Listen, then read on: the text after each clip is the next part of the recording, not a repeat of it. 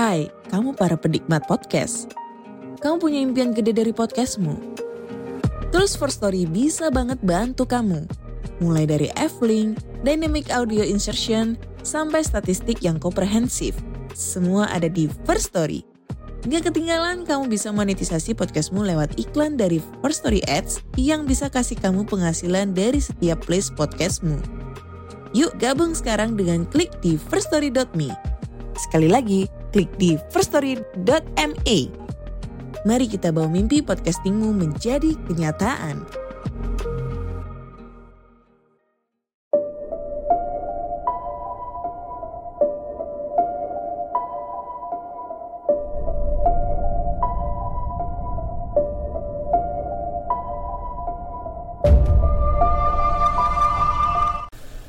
Selamat malam dan selamat datang. Saya Denny Naruto dari Rumah Horor Indonesia dan Cerita Tengah Malam nyambut kalian untuk mendengarkan sebuah cerita horor di malam hari ini. Dan cerita horor di malam hari ini saya bacakan dari akun Facebook Coenai dengan judul Hantu Bis Kota Jakarta.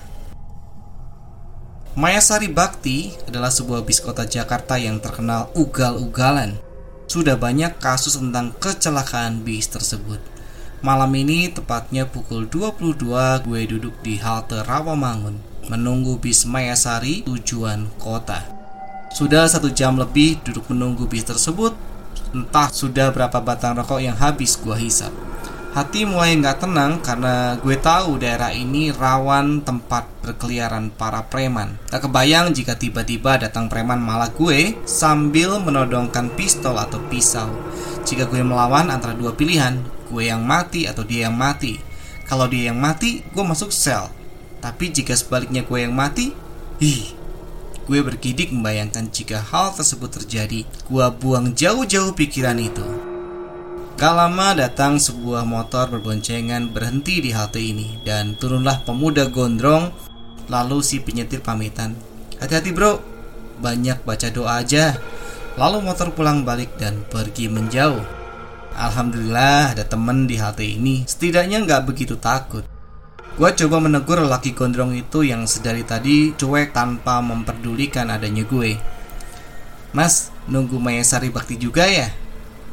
Jangankan menjawab, menoleh juga tidak. Ah, dasar penghuni Jakarta sudah adat dan tradisinya kali ya. Elu-elu gue-gue Nggak peduli sekeliling bahkan tetangga sebelah aja sampai pada nggak kenal. Itulah Jakarta yang gue tahu. Beda dengan desa gue, satu kecamatan kenal semua ramah-ramah. Tak lama kemudian bis Mayasari Bakti datang. Lalu dengan cepat si gondrong mendahului gue Gue aja kaki kanan baru nginjak bis, bis udah melaju Ah pantas saja disebut bis ugal-ugalan Gue berjalan masuk, penumpang hampir penuh namun mereka berwajah datar dan tak ada ekspresi. Suasana bis ini gue rasakan lain, sepi, dingin. Gue berjalan mencari bangku kosong. Ada beberapa bangku kosong, tapi setiap gue mau duduk, orang yang di sebelahnya enggak mau memberi jalan atau bergeser. Jadi gue malas duduk di sebelahnya. Gue hanya lanjut jalan ke belakang dan akhirnya menemukan bangku dua yang kosong semua. Alhamdulillah gue bisa naikin kaki gue dengan bebas. Setelah beberapa menit Namun tak juga kondektor yang menagih ongkos. Apa mungkin lupa atau nggak ngelihat gue penumpang baru Atau memang hari ini gratis? Ah masa bodoh, baguslah nggak keluar ongkos di sebelah bangku yang gue duduki ada penumpang bapak-bapak setengah baya yang sedari tadi cuek nggak ada ekspresi terhadap gue. Lalu gue tegur dia, Pak turun di mana? Sambil gue tepuk pundaknya pelan. Namun tangan gue menyentuh tempat hampa kosong, hanya dingin. Gue kaget, si bapak nggak bisa gue sentuh. Apakah dia hantu? Ah bodo amat, yang penting dia nggak ganggu gue. Menghilangkan suntuk lalu gue keluarkan rokok. Masa bodoh dengan penumpang lain. Mereka aja masa bodoh sama gue, gak ada ramah tamahnya. Mulai menyalakan rokok lalu gue tiup asapnya ke depan. Si bapak yang tadi gue tepuk menutup hidungnya dan beberapa penumpang yang lain pun sama. Gue hanya tersenyum. Mungkin mereka kebauan asap rokok gue.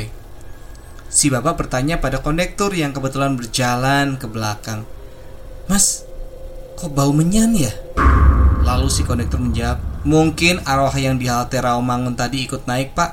Udah biasa dia sering ikut tapi nggak mengganggu. Dia dulu mati dibunuh preman di situ yang katanya dia mau naik bis Mayasari Bakti. Kondektur menjelaskan.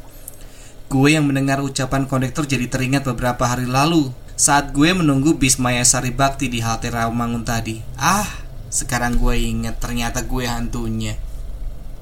Oke teman-teman, sekian cerita horor untuk malam hari ini. Terima kasih sudah mendengarkan sampai habis. Sampai ketemu di cerita berikutnya. Selamat malam, selamat beristirahat.